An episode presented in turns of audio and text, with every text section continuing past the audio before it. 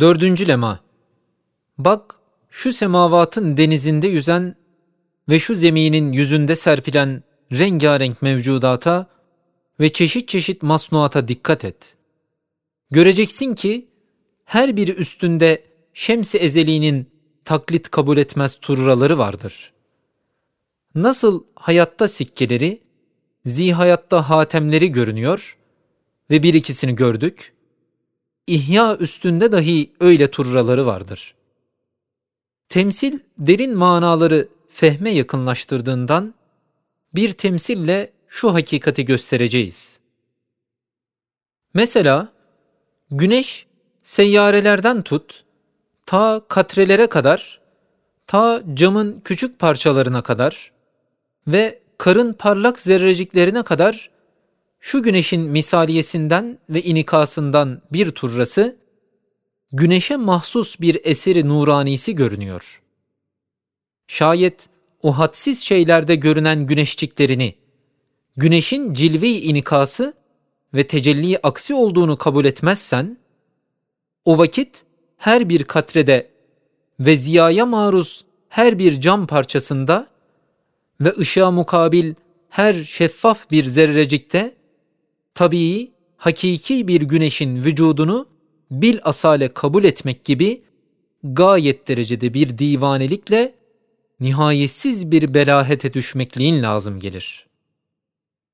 Öyle de Şems-i Ezeli'nin tecelliyat-ı nuraniyesinden ihya yani hayat vermek cihetinde her bir zihayat üstünde öyle bir turrası vardır ki faraza bütün esbab toplansa ve birer faili muhtar kesilseler yine o turrayı taklit edemezler.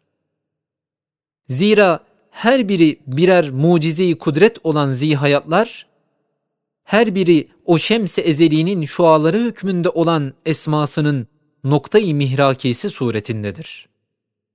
Eğer zihayat üstünde görünen o nakşı acı bir sanatı, o nazmı gari bir hikmeti ve o tecelli sırrı ehadiyeti zat-ı ehadi samede verilmediği vakit her bir zihayatta hatta bir sinekte bir çiçekte nihayetsiz bir kudreti fatıra içinde saklandığını ve her şeyi muhit bir ilim bulunduğunu ve kainatı idare edecek bir iradeyi mutlaka onda mevcut olduğunu belki vacib bir vücuda mahsus baki sıfatları dahi onların içinde bulunduğunu kabul etmek, adeta o çiçeğin, o sineğin her bir zerresine bir uluhiyet vermek gibi dalaletin en eblehçesine, hurafatın en ahmakçasına bir derekesine düşmek lazım gelir.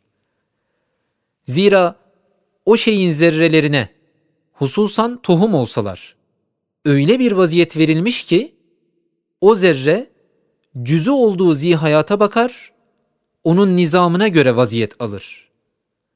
Belki o zihayatın bütün nevine bakar gibi o nevin devamına yarayacak her yerde zer etmek ve nevinin bayrağını dikmek için kanatçıklarla kanatlanmak gibi bir keyfiyet alır. Belki o zihayat alakadar ve muhtaç olduğu bütün mevcudata karşı muamelatını ve münasebat-ı rızkiyesini devam ettirecek bir vaziyet tutuyor.